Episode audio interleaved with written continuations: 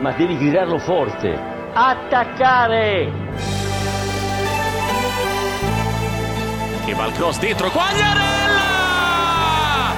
Mamma mia! Mamma mia! Dal subito ha tornato al giocatore Pirlo, la conclusione in rete! Andrea Pirlo, un gol pazzesco! Con Karajan, la decide lui, la decide il numero 21 con un diagonale impressionante!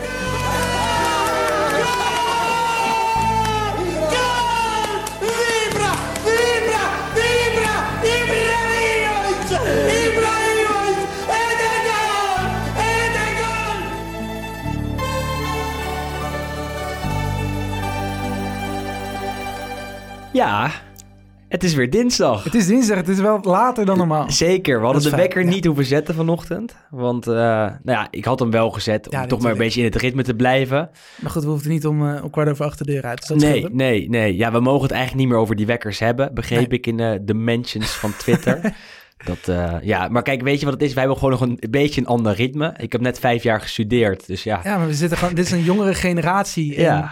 Ik denk dat we intussen er wel achter zijn dat eh, niet iedereen hetzelfde ritme heeft. Dus dat sommige mensen gewoon s'avonds liever langer doorwerken dan s ochtends vroeger beginnen. En Zo dat- is ja, het. Dus het kost ons af en toe wat moeite om dat wekkertje te zetten en dan toch weer door te gaan. Maar eh, vandaag is het eh, iets later. Het is vijf voor twee om precies te zijn. En ja, vandaag gaan we even flink voorbeschouwen op Italië-Nederland van woensdag. We kijken even naar de positieve coronagevallen in de Serie A. En eh, we beantwoorden een boel luisteraarsvragen die eh, zijn ingestuurd. En daarnaast hebben we natuurlijk ook twee prachtige columns van onze grote vrienden Juriaan van Wessem en eh, Isaac van Achelen. Ja, voor de rest is gewoon weer een lekker uurtje over Italiaans voetbal. Op een dag dat wij er eigenlijk niet toe doen, want vanavond is die persconferentie. Ehm, op Italiaans gebied is de Giro d'Italia op zijn gat. Alle Nederlandse kanshebbers of in een coronaploeg of naar huis gestuurd. Ja, maar wij gaan het gewoon over voetbal hebben. Ja, niet over wielrennen en ook niet over persconferenties. En hoe is het met die muis? Ja, hoe is het met die muis? Een goede vraag. Mm, In, Op plaats, de van de, in plaats van de Magajan Watch is het gewoon zeker de de muiswatch. muiswatch. Ehm, om precies te zijn, eh, goed. Vorige week eh, na de opname, toen was het wel gewoon om negen uur. Toen ben ik eh, naar de staalwiel, eh, staalwinkel, noem dat zo, gefietst. Heb ik daar wat staalwol gekocht. Nou, Eh, ben ik in mijn kamer gegaan met echt een flinke eh, lading staalwol. Heb ik dat staalwol in elke, nou, in elk, Elk gat, elk hoekje, elke plek die ik maar zag in mijn kamer gestopt, die een beetje open was. En ook zelfs een ladder gepakt, dus boven de gordijnen. Nou, daar zit een soort richel, nou, daar alles ingestopt, alle gaten gevuld. En ehm, toen ging ik s'avonds slapen en eh nou ja... hebt niks meer gehoord? Nou ja, licht uit om 12 uur, dus ik ging slapen. Nou, ik om 4 uur wakker, toch weer geritsel. Hm. Maar niet in mijn kamer, dus eromheen.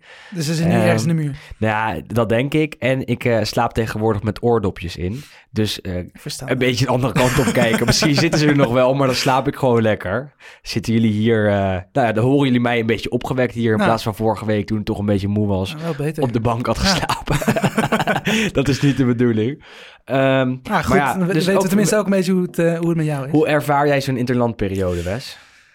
Normaal gezien vind ik het op zich niet heel vervelend. Want als je, goed, ja, wat is het nu, oktober? Normaal heb je dan Ja. natuurlijk al drie maanden voetbal gehad. Ehm, en ja, het, is nu, het voelt nu gewoon heel onnatuurlijk eigenlijk, omdat heel veel competities zijn echt pas net begonnen eigenlijk.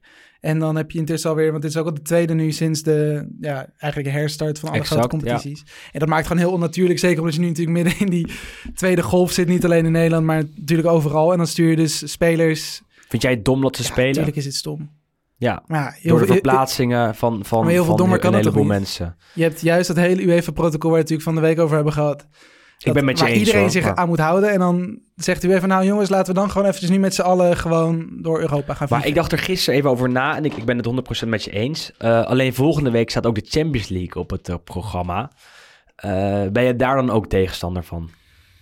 Ja, dat is, Dat vind ik een moeilijke vraag. ja, ik vind dat wel anders. Want je zit natuurlijk, het, idee is dat je een beetje in die bubbel blijft van je Ja, eigen selectie. ja. Natuurlijk, zeker als je een positief geval hebt. En of je dan nou in die bubbel je voorbereidt op een wedstrijd tegen Benevento of straks tegen, wat is het, eh Ajax. Cluj of Ajax of weet ik veel wat. Ja, dat maakt natuurlijk niet zo gek waar. veel verschil. Het is en nu meer zie je- omdat je nu natuurlijk ook echt ja, bijvoorbeeld een team als Atalanta, die hebben volgens mij iets van 12, 13 verschillende internationals van 13 verschillende landen. Zijn naar Colombia Ja, uitgevlogen, bedoel, dat naar Oekraïne, Dat gaat Nederland. nergens meer over. Nee, nee, mee eens. En ondertussen zie je ook dat het eh, aantal coronabesmettingen van spelers in de Serie A stijgt.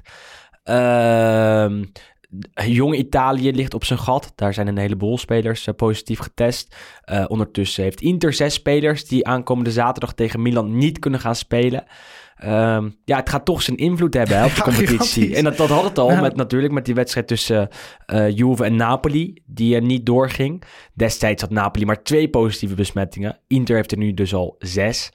Eh, maar als je dan het protocol volgt, en dat hebben we hier al een aantal keer eh, duidelijk gemaakt, dan moeten ze gewoon spelen. Want op het moment dat je 13, 10, Nee, 10, 10, Als je meer ja. dan 10 of meer positieve gevallen hebt, dan mag je hem dus eenmalig mag je je Ja, exact. Maar je moet 13 spelers beschikbaar Eh, hebben. Hè? 12 veldspelers en één Mhm. doelman. Dat is de, dus je moet 13 in totaal, waarvan één keeper. minimaal. Heb je die? En die heb je, moet je wel Ja. hebben ingeschreven in de Serie A. Ja. Dan moet je gewoon spelen.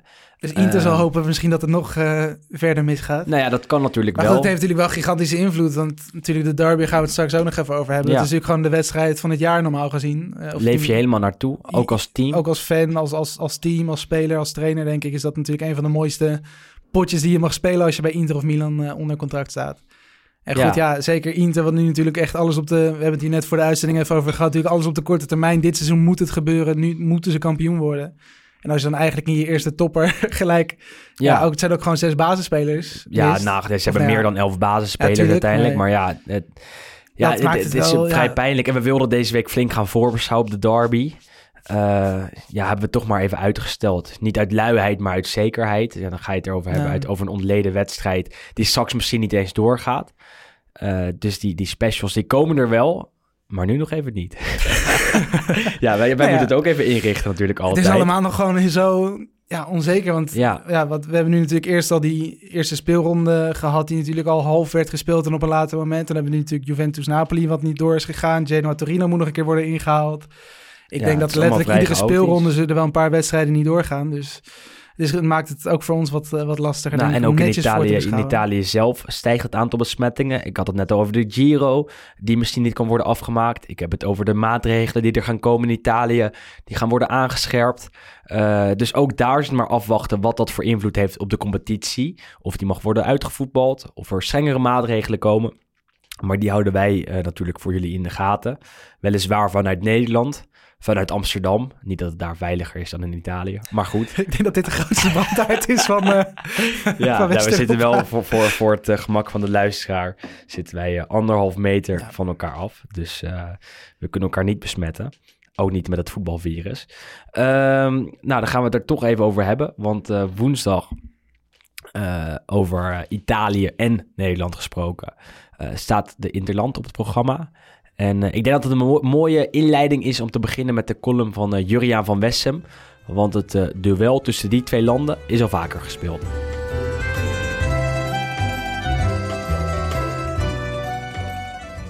Het is altijd bijzonder wanneer de Azzurri tegen Oranje spelen. En dan maakt het niet eens uit voor welke ploeg je bent. Beide teams zijn doorgaans zeer aan elkaar gewaagd en komen elkaar overigens niet zo vaak tegen. In een voorronde van een toernooi zelfs zelden. Voor de enige competitieve ontmoeting op Italiaanse bodem moeten we 45 jaar terug in de geschiedenis. Het werd een wedstrijd om snel te vergeten en daarom eigenlijk ook weer niet.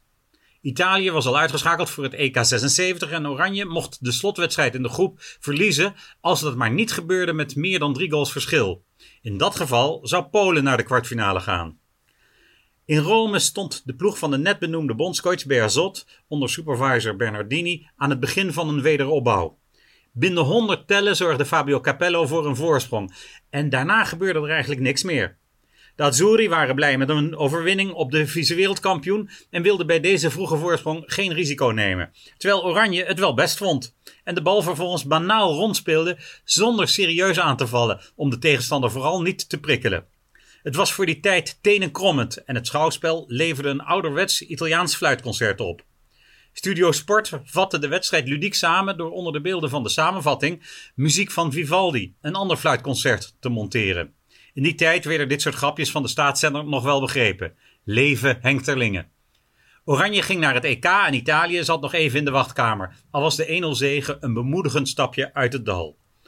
Een kleine drie jaar later stonden beide ploegen weer tegenover elkaar, maar toen voor een finale plaats op het WK 78. Italië was dit keer de smaakmaker van het toernooi met een frivol elftal dat echter te vroeg op deze mondiaal had gepiekt.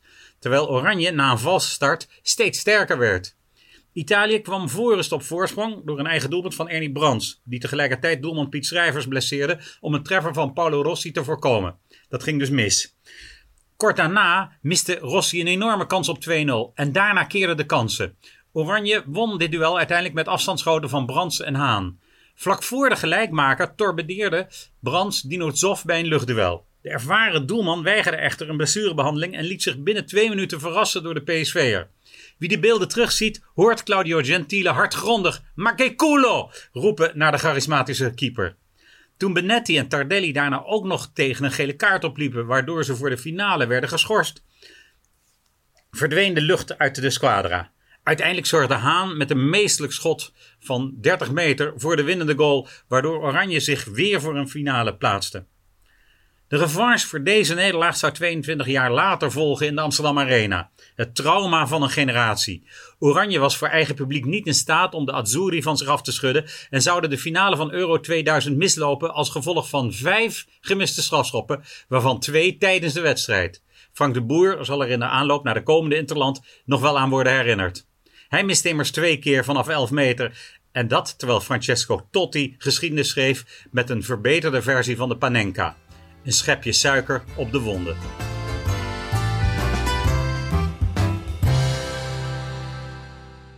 Kan jij je die Interland nog herinneren van eh 2000? Ik was vijf, Ja, dus nee. ik was Nee, goed, vier, ik moet- of drie zelfs. Ik denk een van de eerste voetbalherinneringen waar ik een beetje bewust eh, nog bij kan, was het kampioensfeest van Ajax toen Ronald Koeman daar nog trainer was. Ik denk dat dat 2003-4 was. Dat was denk ik de eerste keer dat ik überhaupt iets van voetbal zag, zeg maar. Ehm, en EK 2004 Flarden, zeg maar. En WK 2006 was voor mij eigenlijk het eerste. Toen was ik 11. Dat was denk ik het eerste toernooi waar ik gewoon bijna echt alles, alle wedstrijden heb Mhm. gezien. En toen won Italië natuurlijk. Ja, dus dat was gelijk een mooie, mooie start. Maar 2000 was een beetje voor mijn tijd. Ik heb wel wat beelden teruggezien natuurlijk. Natuurlijk, de Cucchiaio van eh, Francesco Totti, waar Julian het al eventjes over had. Totti die zijn vader deze week overigens eh, verloor. Waar veel, eh, veel, veel aandacht voor was in, in Italië. Die, ja, Totti die destijds op het veld stond tegen een teamgenoot zei... Weet je wat, ik ga gewoon een eh, Panenka Een doen. mooie in de, de halve finale van eh, het EK 2000. En hij deed de Panenka. Edwin van der Sar verschalkt. Nederland miste penalty na penalty. En Italië ging naar de finale. Die is uiteindelijk verloren van Frankrijk. Ondanks een eh, doelpunt van Del Vecchio.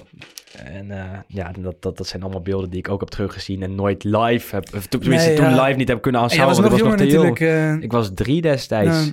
En als je, als je over, ja, bij mij over mijn eerste herinnering aan het Italiaanse nationale elftal eh, kijkt, dan is dat denk ik het WK 2006. ja.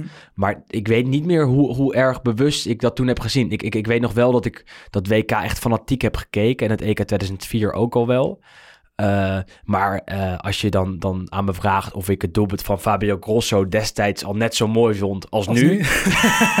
tegen Duitsland in de halve finale, de beslissende, dan moet ik het antwoord eh, helaas schuldig blijven. Nee, ik heb, wel, ik heb wel toen door de, door de woonkamer ge- gerend. Ja, en ik wel? Weet, ja, en ik weet ook nog toen met de finale.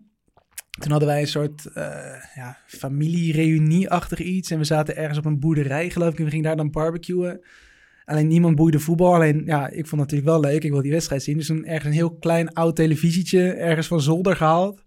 Eh, die dan in de schuur ergens op die boerderij aangesloten. ja, ja. En toen met z'n allen daar zo'n beetje zo half omheen. eh, en goed, niemand boeide die wedstrijd. Maar En toen maakte het is Grosso ook best de wel een paar winnende. bijzondere, bijzondere momenten. Die rode kaart natuurlijk van, eh, van Zidane. En uiteindelijk natuurlijk de strafschoppen met eh, de winnende van, eh, van Fabio Grosso. exact, ja. ja. Nou goed, dus dat is inderdaad denk ik de eerste en ook gelijk de mooiste herinnering van, eh, van Italië die, die ik had. Maar goed, ja, Italië en Nederland hebben elkaar natuurlijk wel vaak Zeker, ja. 22 keer. Daar moeten we toch vooral naar kijken. Maar En, Oranje maar drie keer gewonnen. Dus dat is natuurlijk ook al geen goed vooruitzicht. Nee, en als je dan in ons tijdsopzicht bekijkt, dan was die van het EK 2008, denk ik de eerste eh, die op onze generatie aansluit. We zullen vast oude, oudere luisteraars hebben, maar dit is iets waar wij beter over kunnen praten. En dat was wel een, eh, ja, een, een hartstikke mooie uit Nederlands opzicht. Eh, Nederland, dat werd getraind door Marco van Basten op dat moment. Ehm, voorafgaand aan het toernooi, aan het EK 2008 in Zwitserland en Oostenrijk, was er negatief sentiment. Nederland in de pool des doods met Italië, Frankrijk en Roemenië. En eh, nou, de eerste wedstrijd was tegen Italië, tegen de wereldkampioen dus. En opeens kon Nederland alles. Hè? Orlando Engelaar volgens mij op het middenveld. Dat is toch idioot? En eh, ze wonnen met 3-0. Ja, Ja. dat was, wel, was, was een prachtige wedstrijd. Ja, sowieso een belachelijk toernooi. Want ik, ik weet zelf ook nog die, die hele tendens. Ja, net als nu een beetje om Frank de Boer. Het is nu natuurlijk gewoon voor oefenwedstrijdjes en dat soort dingen. Dus het is iets minder Mhm. belangrijk. Maar ja, we, we werden toen geloten. Die pot met, ja, wat je zegt, pool des doods. Frankrijk, Italië, Twee Roemenië. WK-finalisten. En iedereen dacht van, ja, doei, dit, Ja. gaat, dit gaat er niet worden. En aan het einde van de rit sta je gewoon met negen punten, word je eerst in die pool.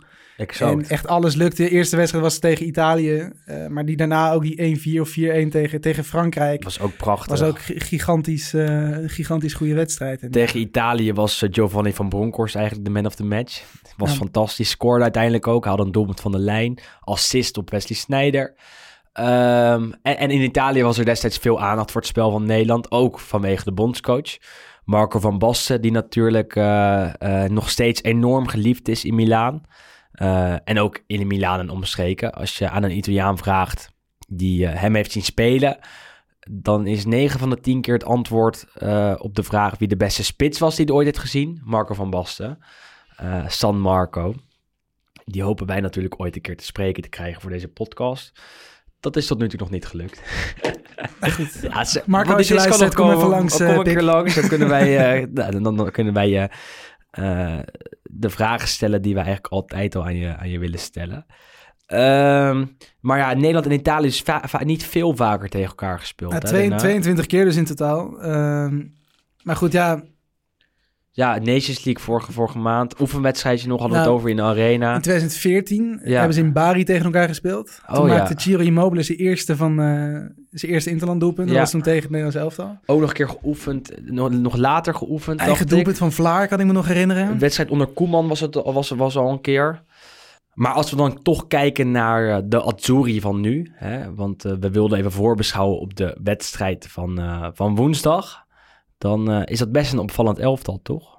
Het is een beetje dezelfde reeks neergezet als Nederland met Ronald Koeman, denk ik. Dezelfde vernieuwing ondergaan. Nieuwe stijl, nieuwe bondscoach, nieuw elan.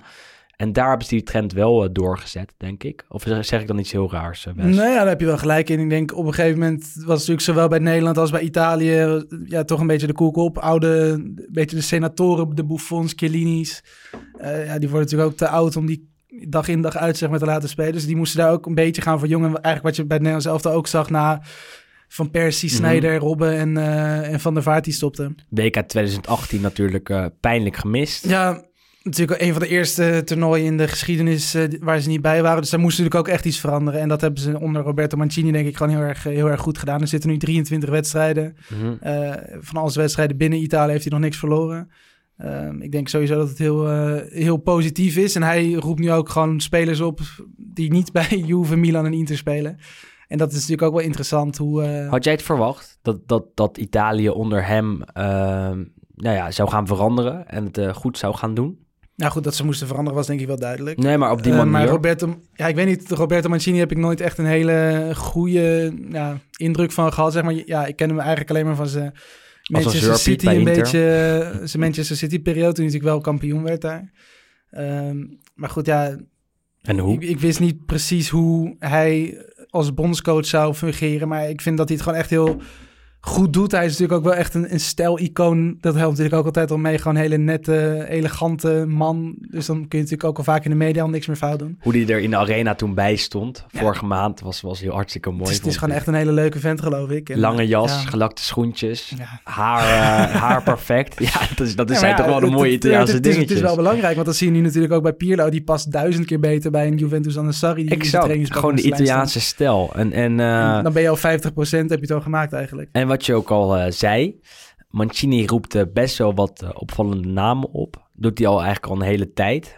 Tonali, die nu bij Milan zit, werd al opgeroepen toen hij nog in de Serie B speelde bij Brescia. Eh, zit er nu eh, steeds minder vaak bij, maar goed, eh, zal er wel weer bij komen.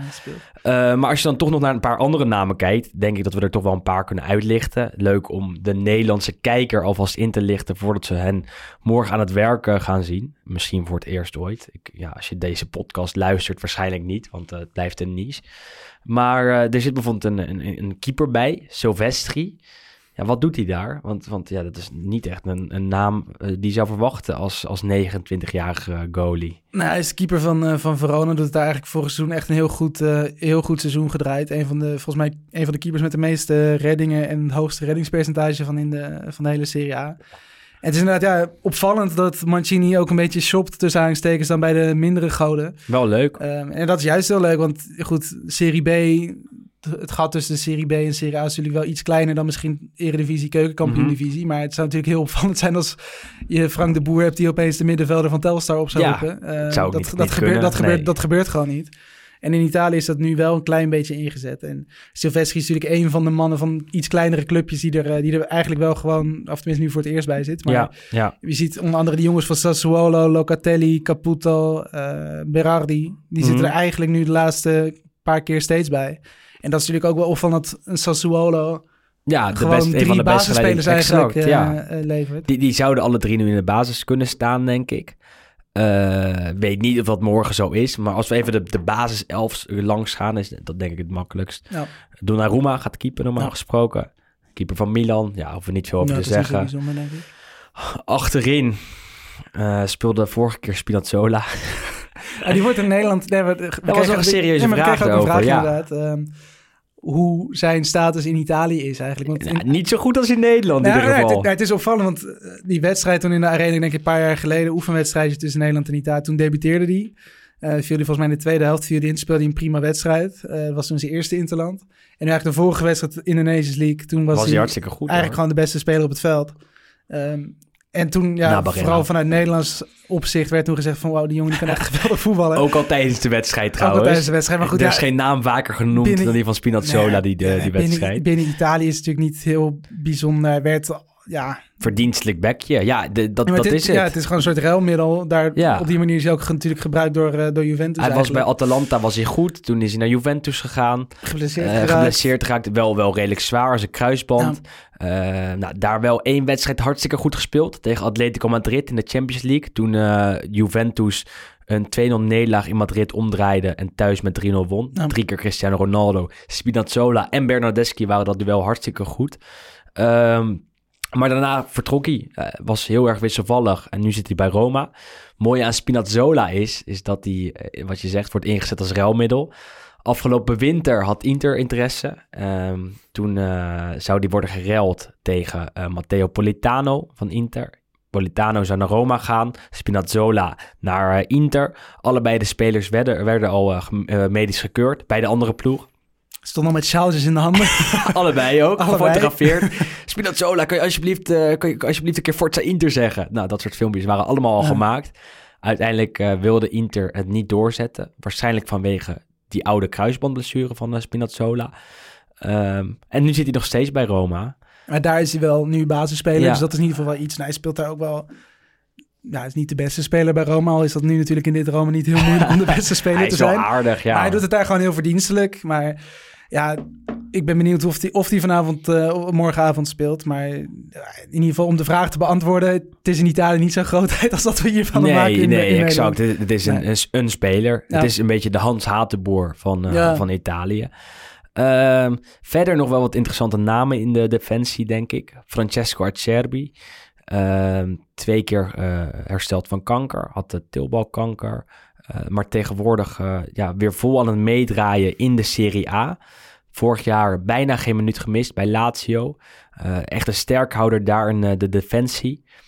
Zal die Ook gaan spelen? Sassuolo Oud. Sassuolo ook. Ja, als we dan toch alle Sassuolo-spelers langs gaan, is dat Nou, zeker is iemand die daar wel goed een is van geworden. de, de betere verdedigers die Italië natuurlijk nog heeft. Er staan natuurlijk nog steeds wel bekend om goede centrale verdedigers. Eh Romagnoli heeft natuurlijk ook regelmatig eh, nog centraal gestaan, maar die is natuurlijk al een tijdje Ja, geblesseerd. out of the running. Gaat wel spelen tegen Inter aankomend weekend, schijnt. De Milan-verdediger. Nou goed, je moet ook wel als je bijna geen andere... Nee, precies. Ja.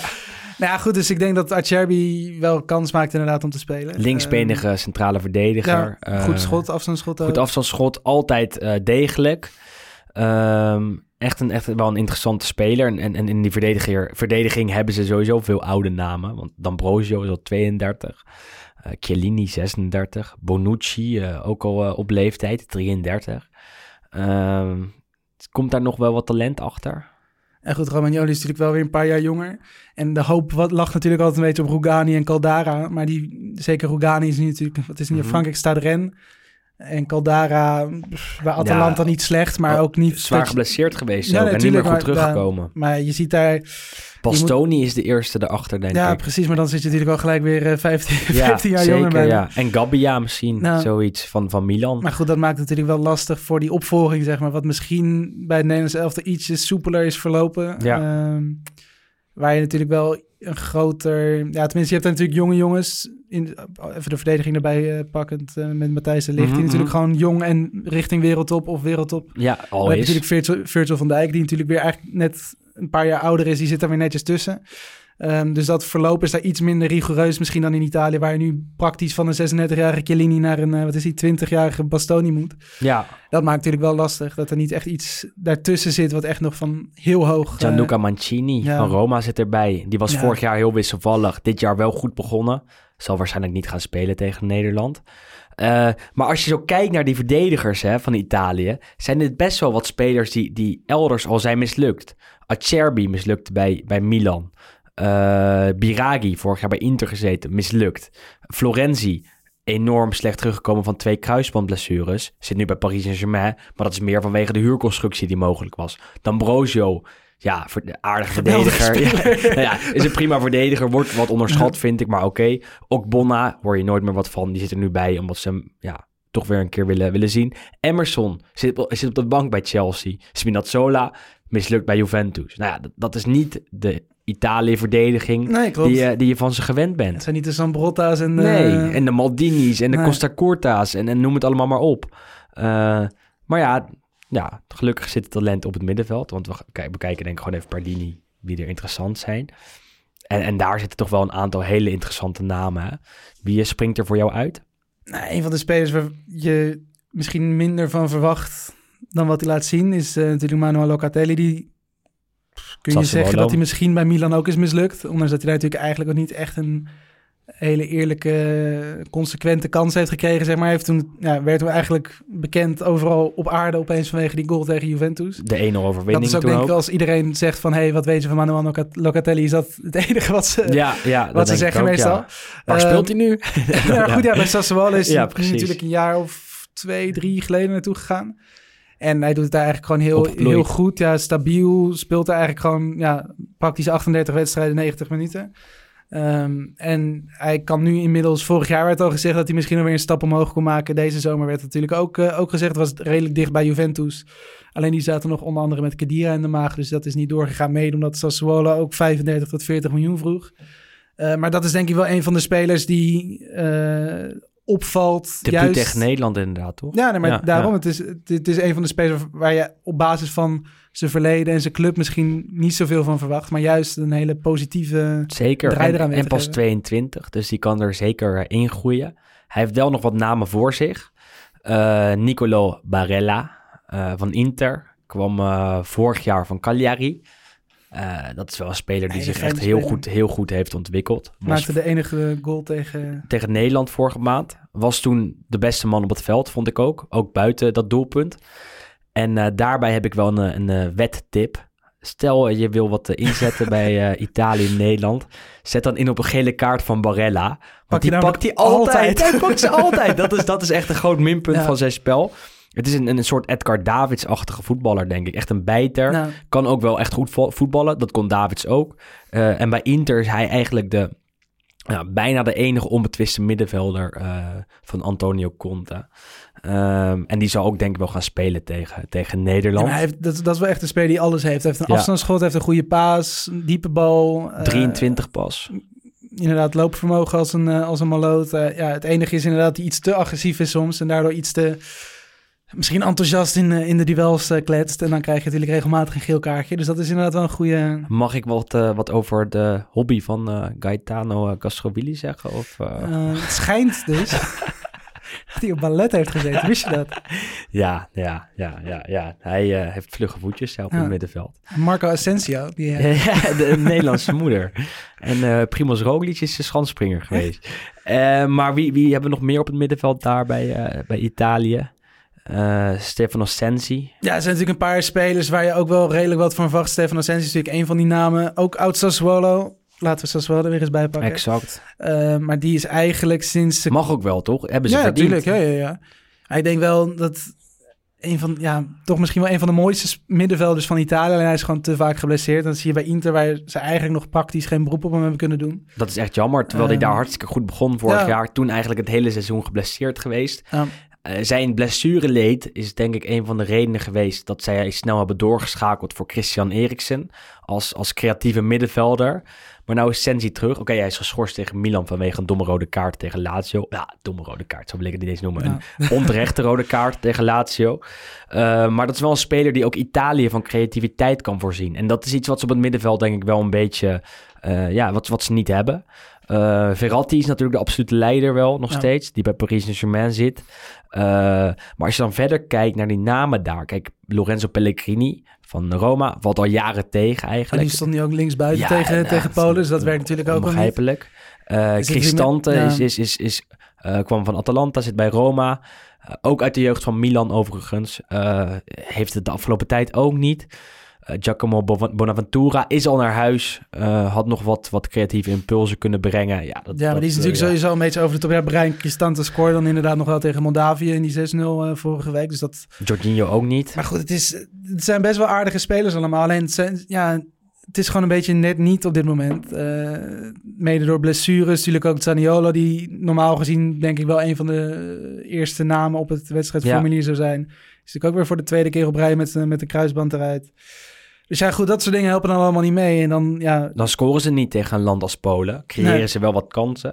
Maar dat ligt ook aan de aanvallers. Ehm, want, want daar hebben ze wel een, een spitsprobleem. Kijk, het middenveld doen we nu niet een beetje... eigenlijk. Maar Ja, ik een bedoel, soort van, maar ze ja, dit is- spitsen. maar ze weten niet presteren wie niet. Ze, moeten, Ze presteren Ja, ja, niet bij dat is, dat is inderdaad heel bijzonder. Want, want Immobile werd, voor, werd vorig jaar natuurlijk eh, topscorer van de Serie A met 36 doelpunten. Verbrak het doelpuntenrecord.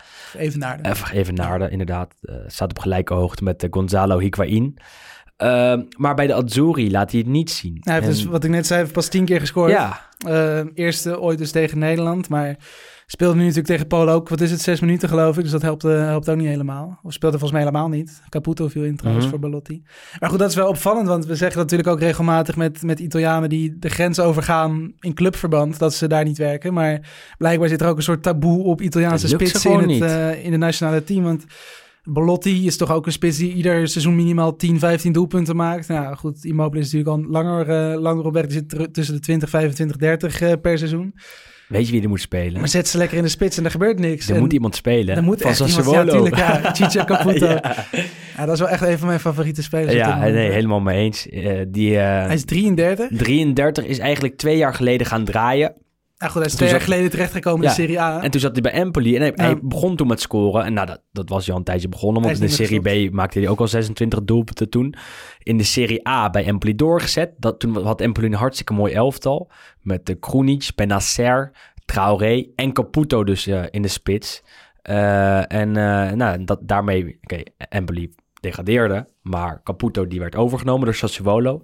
En daarmee, eh, ja, daar ging hij door waarmee hij bezig was. Namelijk met doelpunten maken. Nee, maar het is gewoon een hele goede spits. En het is een beetje hetzelfde verhaal. Eh, Antonio Di Natale. Je hebt het Ja. natuurlijk net nog eventjes eh, vergeleken met een huisvrouw met een kort pittig kapsel. Snap ik ook. Toch, Maar dat, nee, maar ja, dat is ook een speler die uiteindelijk is hij doorgaan tot zijn 7, 38ste, Ja, denk ik. maar die ja. is eigenlijk pas be- beginnen met scoren na zijn 30ste. Ehm, en dat is natuurlijk ook wel een klein beetje bomber eigen in Italië. Maar dat, Caputo die zei dat hij te lang bij Bari is blijven zitten. heeft daar dat hij, vier dat- seizoenen precies. gezeten. En dat hij te, te verliefd was op, op eh, het stadion daar, het San Nicola. Dat natuurlijk gigantisch mooi is. Op de stad, op de regio. Ehm, komt ook uit de regio zelf. Eh, en dat hij te laat die stap heeft gemaakt naar andere, naar andere teams. nee, maar ja, wat je zegt, hij speelt nu drie seizoenen in de. Serie A. Hij heeft 40 keer gescoord in die drie seizoenen. Dus heeft dat is natuurlijk techniek, al heel goed. Heeft, heeft alles eh, eh, wat een goede spits op dit Ja. moment nodig heeft. maar hij is 33. Aan de andere kant, geen enkele reden om hem niet te laten spelen. Ik denk dat hij bij Italië ehm, er beter past in het team dan, dan eh, Immobile en Belotti, denk ik. Absoluut. Wel. Ehm, en hij, hij viert zijn doelpunt altijd alsof hij een biertje aan het drinken Ja. is. Hè? Nou, Ja. ja, ook nog pluspunten, Pluspunten. Wes. Pluspunten. Ehm, nog heel veel de, de, rest van de aanvallers doornemen. Ehm, daar nog een naam die je die wil noemen. Van Sassuolo toevallig. ja, Berardi. ja, leuke speler. Ja, ik, vind, nog, ik vind, ik nog steeds... Nee, maar goed, ik, ja, Domenico Berardi, ook Sassuolo, vind ik ook een lastige speler om in te schatten. Want we... Ik, Krijgen we altijd dezelfde dit, vraag dit nu, over. We, zitten, we zijn nu 3,5 seizoen bezig ongeveer. En eh, ik denk dat we iedere maand krijgen Ja, een keer de vraag van... hey, waarom zit Berardi nog steeds bij Sassuolo? en I- daarna iedere beantwoorden. keer zeggen ja, precies. van ja, wisselvallig, soms toch te, te onstuimig, soms pakt hij te veel gele rode kaarten.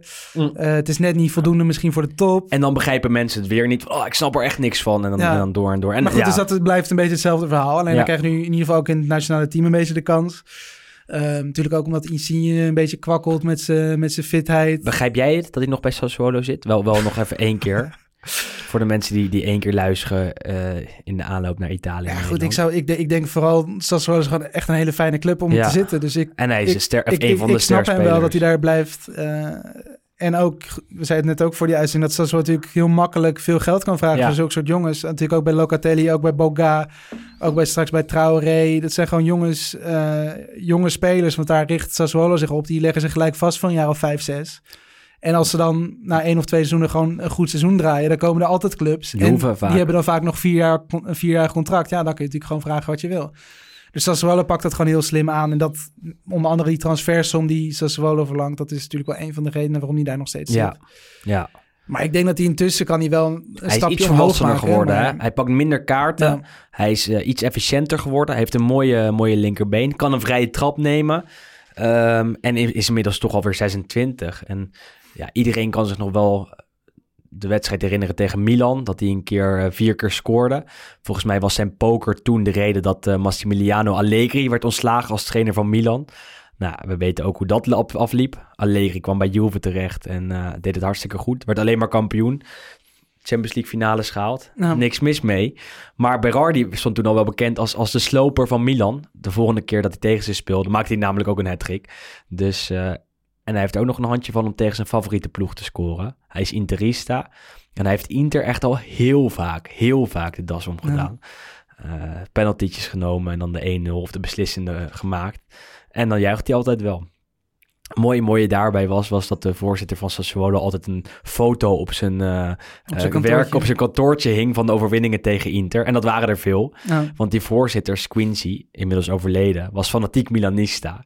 Nou ja, dat is ook wel een mooie side story van het Italiaanse voetbal, denk ik. En Berardi, die bezorgde hem die overwinningen telkens. Dus telkens op die foto stond Berardi juichend.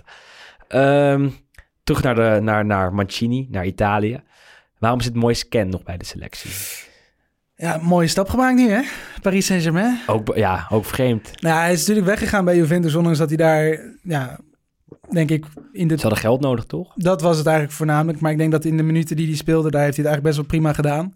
Ehm, en toen kwam Everton en Juventus zei van... nou goed, als jullie 30, eh, wat is het, 30, 35 miljoen bieden, dan mogen jullie hem hebben.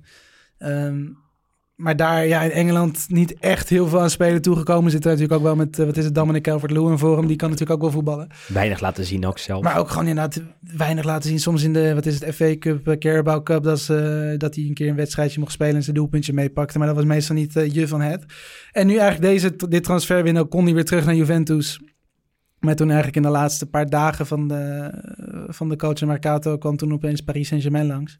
Verhuurd. Eh, verhuurd. Hij spreekt vloeiend Frans, dat is natuurlijk makkelijk. Ja. Hij komt natuurlijk, wat is hij, hij is half, eh, eh, zijn moeder komt volgens mij uit Ivoorkust. Of allebei zijn ouders Mhm. komen zelfs uit Ivoorkust. Dus hij spreekt vloeiend Frans, dus dat maakt natuurlijk ook wel makkelijk. Zeker, ja. En er zit er nu een kleine Italiaanse enclave natuurlijk met Ferrati en Florentie. Komt ook door de technisch directeur Leonardo, die een lang verleden in Italië heeft. Als speler bij Milan. Trainer Eh, bij Milan. Trainer bij Milan. Als, Technisch directeur. Technisch directeur bij Milan. Ja. als trainer van Inter. Eh past dan niet echt in dat rijtje, maar oké. Eh, dus die halen ve- veel Italiaanse spelers er naartoe. Dan wil ik eigenlijk nog twee man in die aanval benoemen. Dat is namelijk Federico Chiesa, die de stap maakte van Fiorentina naar Juve. En Stefan El Sharawi. Bij wie beginnen we? Nou, laten we bij Chiesa beginnen. Bij Chiesa, ja. Ehm, Wisselvallig bij Fiorentina, vond ik. Hadden Ja. we het voorafgaand aan de uitzending ook al eventjes over. Het lijkt net alsof we nu elke keer een half uur ervoor bespreken voordat we hier gaan zitten. Dat is ook Even niet zo. Spelen, ja, waarom niet? Ehm, nee, ja, ja. ah, goed, ik zei, ik, ik zei het net ook al. Ja. We gaan niet de hele tijd Nee, precies. hoor. Maar, Nee, nee. Dat was de ehm, laatste keer beloofd. Fiorentina is natuurlijk gewoon sowieso de laatste seizoenen redelijk wisselvallig geweest. En Chiesa is daar natuurlijk onderdeel eh, van. Eh, zoals we ook vorige week, geloof ik, hebben gezegd... dat hij staat daar nu tegenwoordig onder Iacchini als soort wingback. Mhm. eh, terwijl hij van nature misschien iets meer echt een, een pure buitenspeler is. En dat maakt natuurlijk ook wel een beetje... Ik denk dat je als speler ook behoefte hebt aan zeg maar één positie waar je op kunt focussen. Ehm, Zeker als je en zo dat jong maakt bent. het nu ook gewoon 22. lastig. Eh vorig seizoen vooral als rechtsbuiten gespeeld. Dit seizoen voorlopig vooral als, als, als, als wingback. Vorig jaar toen ze ook 5-3-2 gingen Ja. spelen, stond hij ook vaak opeens als In- spits in zo'n tweemans aanval. Ja. Eh, maar goed, nu lijkt hij bij de Italiaanse ploeg dan wel weer op die ja, rechtsbuitenpositie. Stond daar Eh, afgelopen zondag tegen Polen. Ja, hè? mocht die eerste kans na 11 minuten mocht erin, schoot Ja. hij over.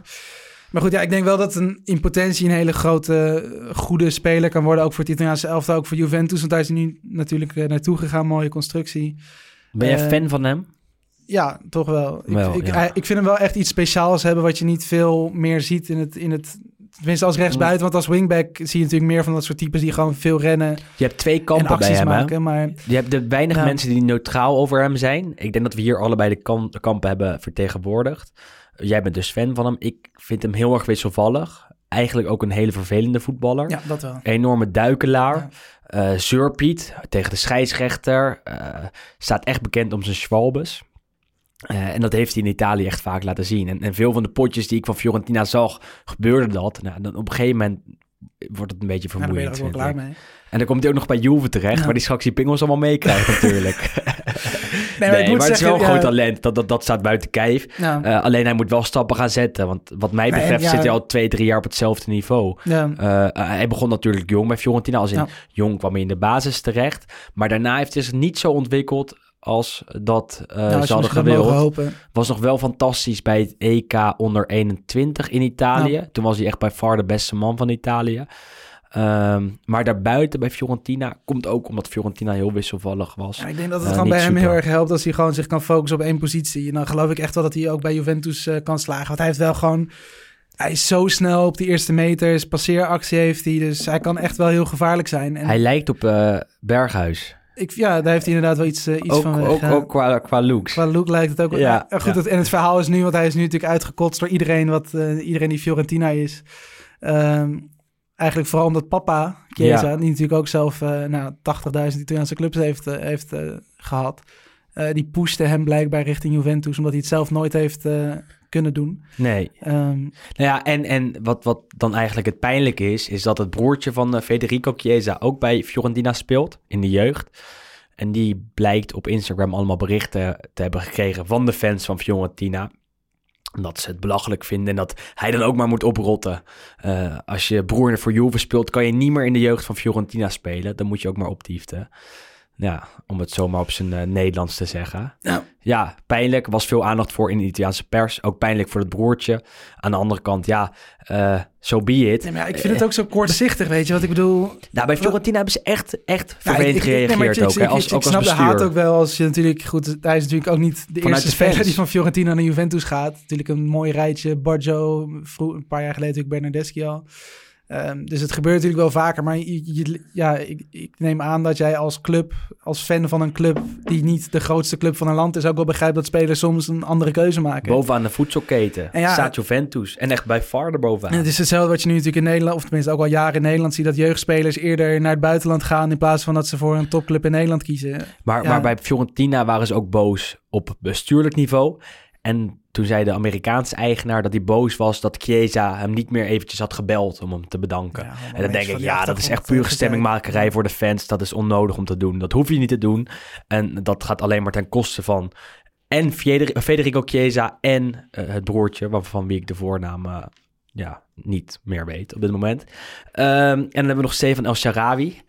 Die eh, afgelopen zomer, of eigenlijk een paar dagen geleden, een week geleden, nog op het punt stond om eh, in Italië terug te keren. Eh, was in onderhandeling met zijn oude liefde, met Roma. Maar die huurconstructie, die, ja, die was blijkbaar niet voldoende of niet, niet bevredigend genoeg voor een der partijen. Dus blijft hij nog steeds in China bij een Shanghai Shenhua. Ja. Zeg ik dat zo goed? Shanghai Shenhua. Ja, Shanghai Shenhua. Shenhua. Ja, dat is toch jammer, hè? want hij, hij, je zag vorige week bij Italië, dat was eh, die oefenwedstrijd tegen Ja. Moldavië, dat, dat hij toch hartstikke goed is en dat Ja, hij hem toch nog in zich heeft. Ja, maar natuurlijk, hij heeft er natuurlijk best wel een lange periode ook niet bij gezeten. En ja, je verliest zo'n jongen natuurlijk compleet uit het oog op het moment dat hij, daar naar, eh, dat hij naar China gaat. Hij is pas 27 ook. Ja, het- Ooit een toptalent, hè? Ooit, ja ooit een van de grootste talenten van Italië. de, de farao was hij... eh, ja, in het in elftal volgens mij was dat met Van Bommel en Zlatan. Ja. En de Jong speelde hij toen allemaal. Dat was echt een heel leuk uh, Nocerino. Ja, een keer een gigantische kans gemist in de derby. Dat hij volgens Ja. mij in de tachtigste minuut er doorheen kwam. En, en iedereen telde hem al. Toen schoot hij hem op de lat. Bleef Ja. het 1-1. Volgens mij de slechtste derby ooit. Met doelpunten van Menes en Obi. Ik weet niet zeker of het die wedstrijd was, maar ik dacht het wel. Eh, in, in dat team zat hij. Ja. En, en, en daar lukte het hem ook niet om zichzelf te onderscheiden. En toen inderdaad op een gegeven moment bij Roma terechtgekomen. Daar op zich redelijk oké gespeeld. Niet heel opvallend, Nee. ook niet heel goed, ook niet heel slecht. En eh, ja, goed, nu... Ja, wilde Shanghai. Roma, ja, en Roma wilde hem terug. Meer als, als noodverband. Ehm, maar ja, jammer dat dat niet gebeurt. Want je ziet hem Ja, nooit meer in ja, actie. dat is wel, het is wel gewoon een speler waarvan je denkt, die wil je wel lekker elke week eh, aan de is- slag zien. Het is toch zonde dat, dat, dat nou, Nou. ja, het is ook best wel vreemd, vind ik, dat, dat hij nog wel wordt geselecteerd door Mancini.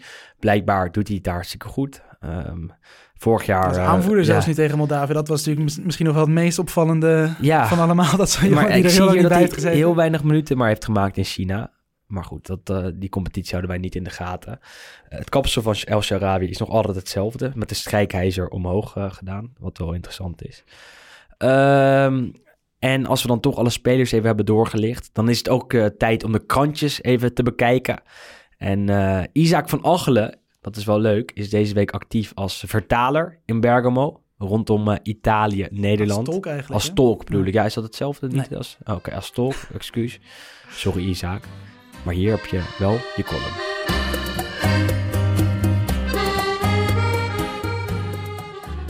Buongiorno amici sportivi. Mamma mia che periodo.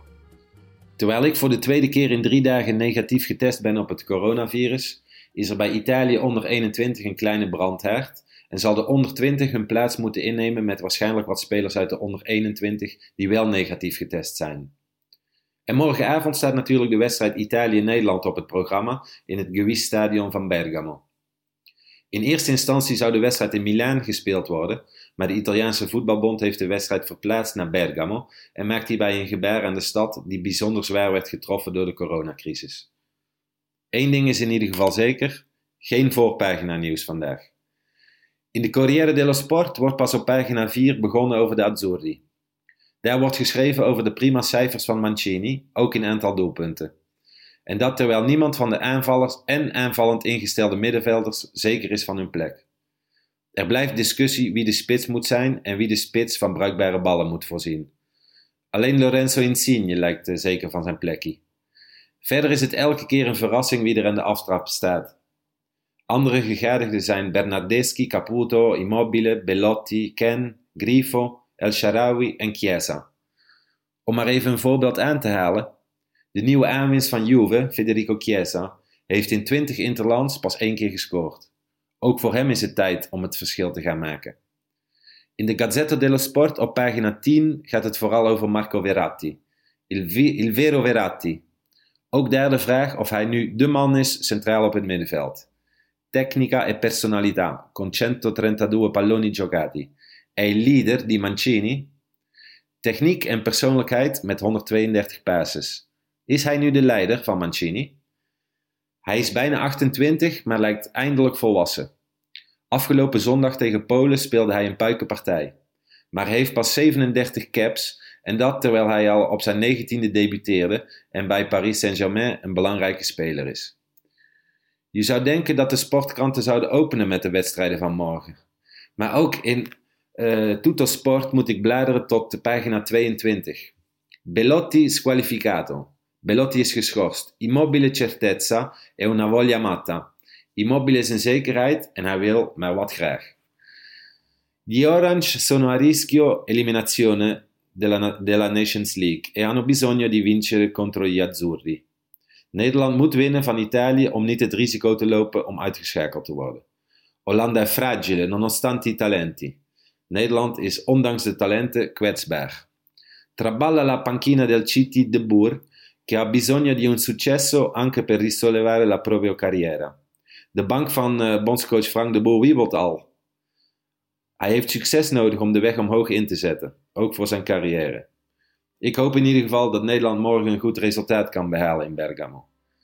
Voor mijn kinderen met Nederlands paspoort is het Forza Italia. Maar voor mij sempre e comunque Hup Holland. Alla prossima.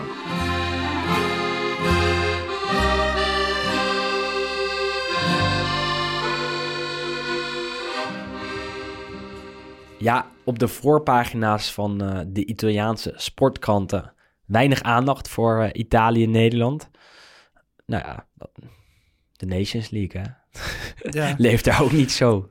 Dat, dat is het wel gewoon, denk ik. Ik denk dat het op, op zich, ik vind het idee daarachter vind ik gewoon sowieso top. Minder Ja. oefenwedstrijden, meer maar- officiële duels. Alleen gewoon in deze periode is gewoon heel gek. het is Wat de meest bizarre interlandperiode ooit. Het is gewoon heel bizar om te zien dat, ja, goed, we vallen nu een beetje in herhaling, maar dat je jongens die uit teamselecties komen waar allemaal positieve gevallen zijn, lekker de hele wereld aan reizen. Maar goed, ja, Je hebt meerdere redenen, want eh, ehm, nou, eerst nog even een voorspellingkie voor Italië en Nederland. Dan kunnen we dat hoofdstuk even kunnen afsluiten. we dat hoofdstuk afsluiten. Ik denk ehm, tot 3-1 voor Italië. Zo, wel veel doelpunten. Ik denk eh 2-0 Italië. Eh, dus Italiaanse overwinningen hebben we dat ook weer gehad. Ehm, maar als we toch nog even teruggrijpen, want dan kunnen we door naar de derby van, eh, van zaterdag. De derby tussen Milan en, eh, en Inter. Hebben die twee ploegen maar één dag om met de groep te trainen. En dat komt door de Interlands. Doordat er nu drie Inter- Interlands moeten worden gespeeld. Milan en Inter hebben hun selecties pas op vrijdag samen. En op zaterdag om zes uur staat dat duel al eh, op het eh, programma. Nou ja, dat is eigenlijk best wel belachelijk, vind ik. Ja, Dat is toch, toch, toch, toch hartstikke bizar dat je eh, blijkbaar eh, zoveel voorkeur moet geven aan het interlandvoetbal ten opzichte van de competities. Dat je dat ten koste laat gaan van, ja, van, van belangrijke wedstrijden in de Serie A zelf. Eh, je hebt toch tactische trainingen nodig ten opzichte van, nou ja, voorafgaand aan zo'n topwedstrijd. En dat kan dus gewoon niet.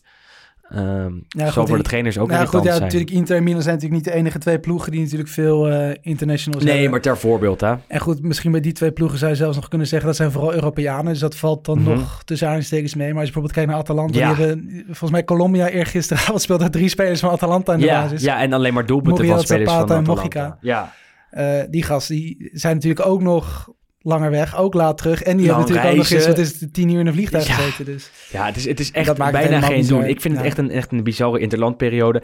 En niet alleen door corona. Eh, en het, het erge is, we hebben de volgende maand nog één. Ja. Ehm, ja, ja, ja, het is een beetje om moedeloos van te worden. Ja, goed, kijk, ik. die Nations League kun je dan nog begrijpen van, nou, als je die echt wil spelen, moet dat gebeuren. Maar dat er dan ook nog daaromheen oefenwedstrijden worden georganiseerd. Dat was het Cameroen, Japan Ja. en de Galgen waar het van de Financiële week... belangen zijn dat allemaal, Ja, denk ik. Tuurlijk, maar, Maar- het, en- en- het en- is gewoon zo om... Maar het is toch verbazingwekkend dat er, dat er nog geen enkele eh, spelersvakbond is opgestaan. En die heeft gezegd, nou, dit kan niet, jongens. Je, kan niet ons, eh, onze spelers zo voor het karretje spannen van de financiële belangen. Want eh, je hebt dan straks een, een speler van... nou, ja, speler van, nou, mag ik even van Inter noemen? Dan, dan, eh, dan, eh, dan heb je er één. Die heeft nu drie Interlands gespeeld. Die speelt zaterdag de derby. En dinsdag heb je alweer de Champions League.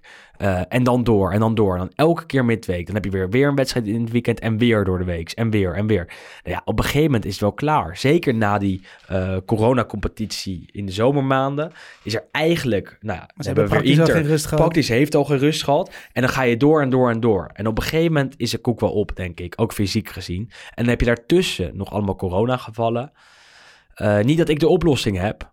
Nou ja, de oplossing is even wat interlandperiodes eh opschorten. En later misschien ook daar bubbels creëren. Dat je die straks in, in juni en juli speelt of iets Ja, goed, dergelijks. wat ze natuurlijk een beetje hebben gedaan met die, met die final, wat was het, de final 8 in de Champions League Ja. in de Europa League. Gewoon gaan Dat met z'n allen aan het eind van het seizoen.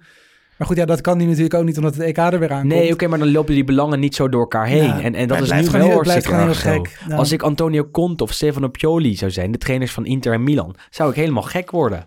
Je, je, hele eh, taakomschrijving die er is, nou ja, die wordt, door, die wordt doorgestreept. Die is er Ja. niet meer. Je mag alleen maar elf mannetjes opstellen. De tactiek komt er niet meer aan te pas aankomende zaterdag. Want eh, ja, de beste mannen moeten spelen en dan zien we wel verder. Eh, en dat lijkt mij erg interessant, of irritant. Ook wel interessant om te zien. Ze- als neutrale ook, kijker ook interessant beetje, als maar- neutrale kijker, Ja, maar het is nee, wel irritant lijkt me als, als, als, eh, als trainer, coach van, van een team waar heel veel belangen op het spel staan. Ehm, zijn er verder nog, nog, nog wedstrijden die... eh, nou ja, nog even over die derby. Het is wel jammer, hè? Zonder publiek en dergelijke. Ja, Ja, nou, het is allemaal herhaling. Maar dat, dat had wel de magie echt helemaal weg. Maar dat geldt natuurlijk niet alleen voor die wedstrijd. Ik denk dat er Nee. een paar duels intussen zijn geweest... waar je natuurlijk heel graag wil dat er publiek op de, op de tribune zit. Napoli-Atalanta zaterdag om drie uur trouwens. Ook ja. heel mooi inderdaad. Dat is de eerste wedstrijd weer komende speelronde. Maar ja, goed, ik denk dat voor heel veel ploegen natuurlijk ook zeker natuurlijk weer voor de, voor de promovendi Crotone en Spezia. Die zitten voor het eerst in lange tijd zitten die weer in de, in de Serie Ja. A. Voor Spezia natuurlijk sowieso pas de eerste keer. Ja, natuurlijk wil je dat gewoon vieren met je, met, met je volk, met je achterban. Nou, Spezia Eh, speelt sowieso nog steeds in het Cesena. Dus wat dat betreft Nou. niet echt jammer voor ze dat er geen supporters goed, die zijn. mogen waarschijnlijk over de twee, drie weken weer Jawel, terug ja, naar, ja, eh, ja, ja. naar Spezia. Dus dat is niet, in ieder geval nog iets. Maar goed, ja, het is gewoon heel zonde. En nu natuurlijk ook met die coronagevalletjes straks met Inter ook gewoon een soort gehavend Ja, het is voor B11 soort eh, maar dat, dat hoort bij het protocol. Nogmaals, alle twintig eh, ploegen uit de Serie A hebben dat protocol geaccepteerd en ondertekend. Dus dan moet je er maar eh, ja, naar leven. En dan mis je maar een speler als je het eh, tegen die, de, de rivaal opneemt. Ehm, wel opvallend van aankomend speelweekend is dat eigenlijk alle Champions League ploegen op zaterdag spelen. Dat zijn Atalanta, dat zijn Inter, Lazio en Juve. Eh, en Europa League ploegen eigenlijk ook, toch? Met Milan en Napoli. Roma zit Roma, ja. Roma op zondagavond, maar ja, dat is donderdag, dus dat kan nog op zich. Ehm, Roma Benevento. Dus ja. er wordt wel een beetje meegedacht met ze. Is in ieder geval Ja, eh, al wel Exact. fijn. Maar, die, die, ja, de kans dat Inter Milan nog wordt, eh, wordt afgelast is aanwezig, maar dat komt niet uit de competitie zelf dan. Dat, dan zou hetzelfde moeten gebeuren als destijds met Napoli is gebeurd. Dat de GGD van Milaan en omstreken dat duel zou moeten verbieden, omdat de kans op besmettingen binnen die spelersgroepen te groot zou zijn. Voorlopig is daar nog geen, eh, geen sprake van. Nou ja, dat was onze voorbeschouwing alweer op komend dat, dat, speelweekend. was hem een beetje. Moeten nog wat vragen beantwoorden? Ja, zeker. Er zijn er nog genoeg. Eh, heb jij ze voor je of zou ik ze nog even voor me pakken? Want dan eh, even de Twitter-vragen zijn altijd belangrijk om eventjes alles, ja, alles toch nog even af te sluiten. Alles toch nog even door te nemen. En de eerste vraag is daar, hoe serieus neemt Italië de Nations League? Nou ja, dat hebben we al denk ik, eh, denk ik even doorgenomen. Ja. Ja, redelijk serieus, maar er worden ook... Het is gewoon een ja. toernooitje. Ja, goed, je moet spelen. En- ja, je moet meer. spelen en je wil winnen. En Italianen willen altijd winnen. Eh, Maar ik denk, ja goed, maar, maar totaal geen boeien. prioriteit Ja, ook. Het is, het is het belangrijkste, want goed, je hebt natuurlijk die verschillende divisies. Het is belangrijk dat ze in, in de, in de A-groepen blijven, zeg maar. En dat ze in, in Bergamo spelen, zijn we nog vergeten te benoemen. Ja, dat, dat is natuurlijk hartstikke mooi. Het is pas de derde keer. Ja. Ehm, ik had het eh, opgezocht laatst. Ehm, In de het, eerste eh, twee keer was namelijk... Ik heb hem hier bijna weer bij me. in het, tegenwoordig is het het Guis Stadium. En Ja. het was het Stadio Atleti Azzurri d'Italia. En ze hebben er twee keer veranderd. gespeeld dus. In eh, 1988 in een EK-kwalificatiewedstrijd tegen Malta. Toen wonnen ze met 5-0. En Ja. één keer in 2006 een oefenwedstrijd tegen Turkije. Toen was het 1-1. En nu is het zo, omdat eh, de Italiaanse voetbalbond Bergamo een hart onder de riem wil steken.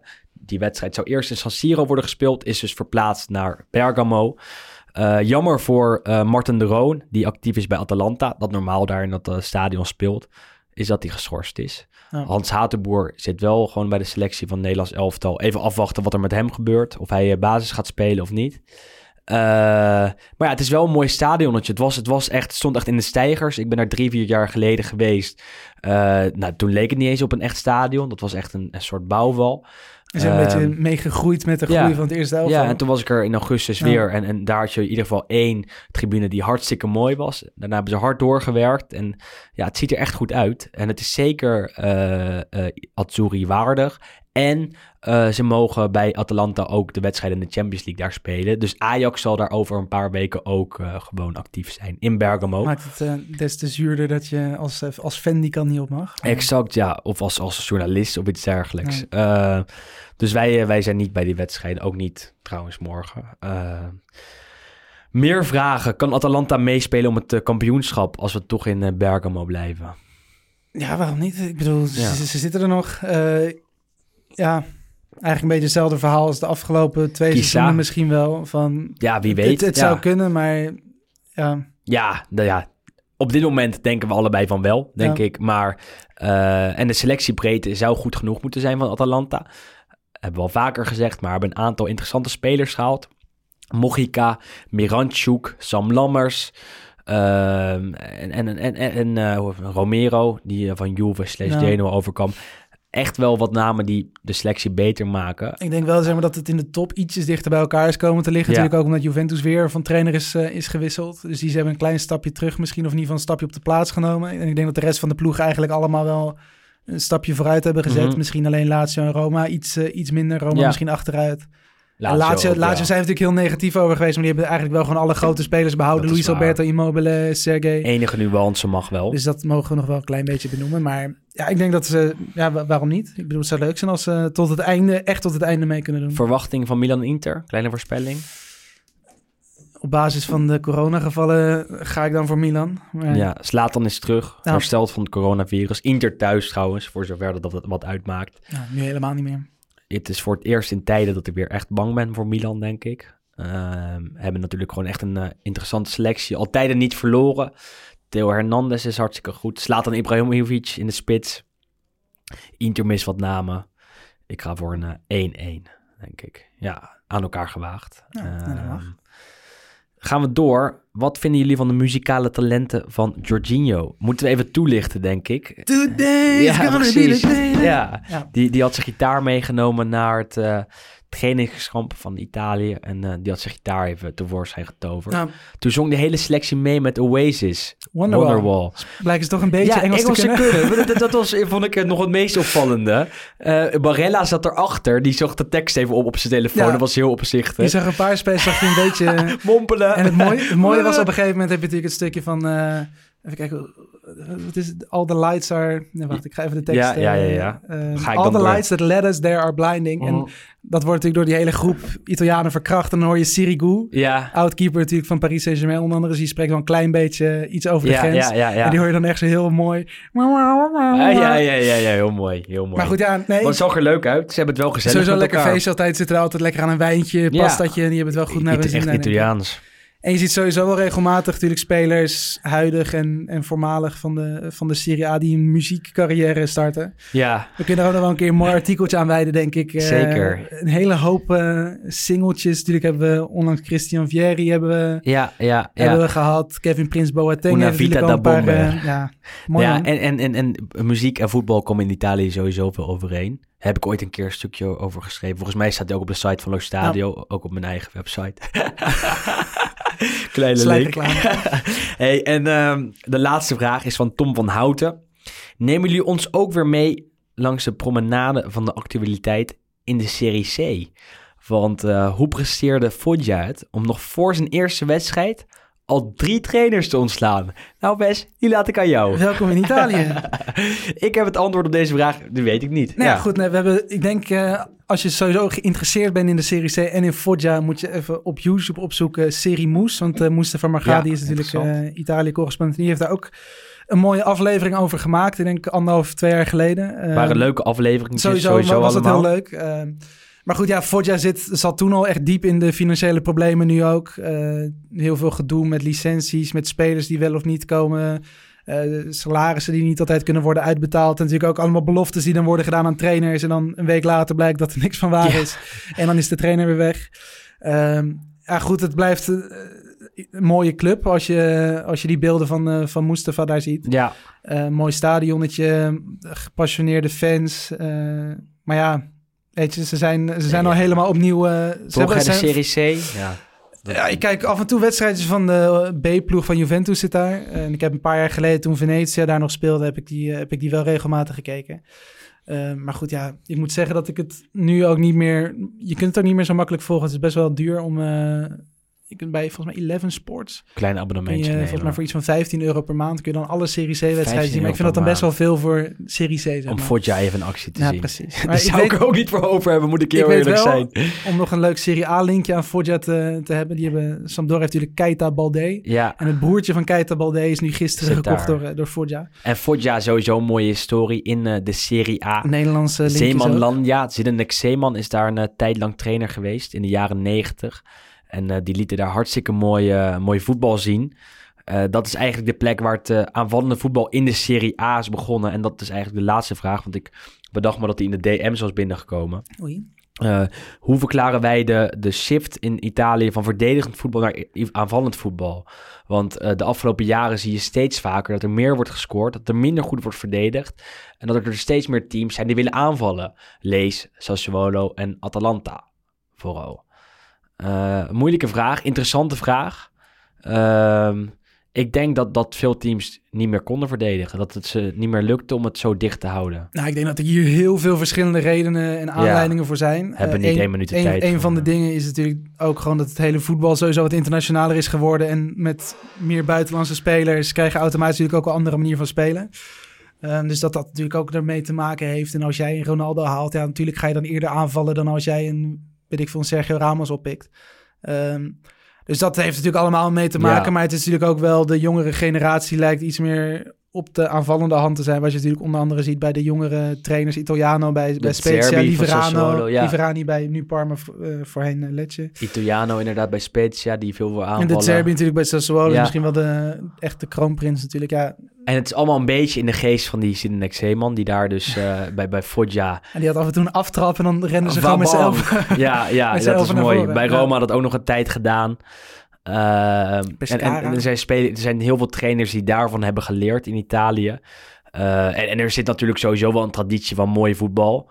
Eh, hoewel Marco van Basten dat in zijn biografie eh, ontkende, speelde Milan onder Arrigo Sacchi natuurlijk ook al redelijk aanvallend. Met de grote drie van Milaan. Niet alleen van Basten, maar ook Gullit en Rijkaard. Maar daar weet Juriaan van Wessem vast meer over. Misschien wel een column daarover volgende week. Ja, maar goed, kijk, dat zijn natuurlijk allemaal dingen. Het is heel erg afhankelijk ook van de spelers die je hebt. Als jij gewoon in je selectie vier is hele het. goede verdedigers hebt. Ja, tuurlijk zal jij dan beter gaan verdedigen dan dat je... Zo is het. Dus het is. Maar het is ook een redelijke cultuuromslag, Ja. denk ik. En eh, Italianen blijven niet vies van een portie verdedigen, hoor. Dus het, het, zal, Het het is altijd de entertainment moet combinatie. wel omhoog. En dat is natuurlijk ook wel opvallend wat je, nou, tenminste in ieder geval de laatste jaren bij Juventus zag. Dat ze echt braken met, eh, Ja, met, ja, het- met het resultaatvoetbal eigenlijk van Proberen te Conte en breken, ja. En nu met Sarri en Pirlo toch twee. ze willen het toch laten zien. Ja. En, en, en dan is niet alleen maar het landskampioenschap eh, genoeg, maar willen ze meer. Ehm, dat was hem voor deze week. De afleveringen worden steeds langer. Ook Ja. al wordt er niet gevoetbald in het eh, speelweekend. Eh, we een kaarsje branden voor Frank de Boer? leuk. Kaarsje branden voor Franco Di Burro. Nou, die zal nog wel even aanblijven. Hij gaat het langer volhouden dan bij Inter destijds. Dat kan bijna niet anders. Ondanks de tweets van FC Afkikken die er wat olie op het vuur gooiden. Daar doen wij eh, mooi niet aan mee. Ehm, voor nu bedankt voor het luisteren. Stel je hebt een vraag, tip, hint, eh, iets anders. Dan eh, moet je ons gewoon een berichtje sturen op Twitter via Leustadio NL of gewoon via onze persoonlijke accounts. Kan ook via Instagram. Bezoek onze website waar dus wat mooie blogs op, eh, op staan. Blogs. Blogs, blogposts. Eh, of eh, trek ons een keer aan onze mouw als je ons in het echt tegenkomt. Op anderhalve meter. Het zal voorlopig niet meer gebeuren, maar goed. Ik Ja. ga mezelf opsluiten en ga gaan weer terug FIFA spelen. Ja. Ga je, de, ga, ga, de, ga, je de, de rest van de dag FIFA spelen nu? Ja, een beetje wat met teamen. Nou ja, als iemand een potje tegen me wil, voeg me toe. Nou, kan Eh, nog. ik kan Hier. niet garanderen dat ik je laat winnen. Op alle platforms zijn we, Ja, zijn we actief. Zijn we, er, eh, zijn we actief. Ja. Inner Circle. Onlyfans. Hey, bedankt voor het luisteren. Ja, tot de tot eh, volgende. volgende week.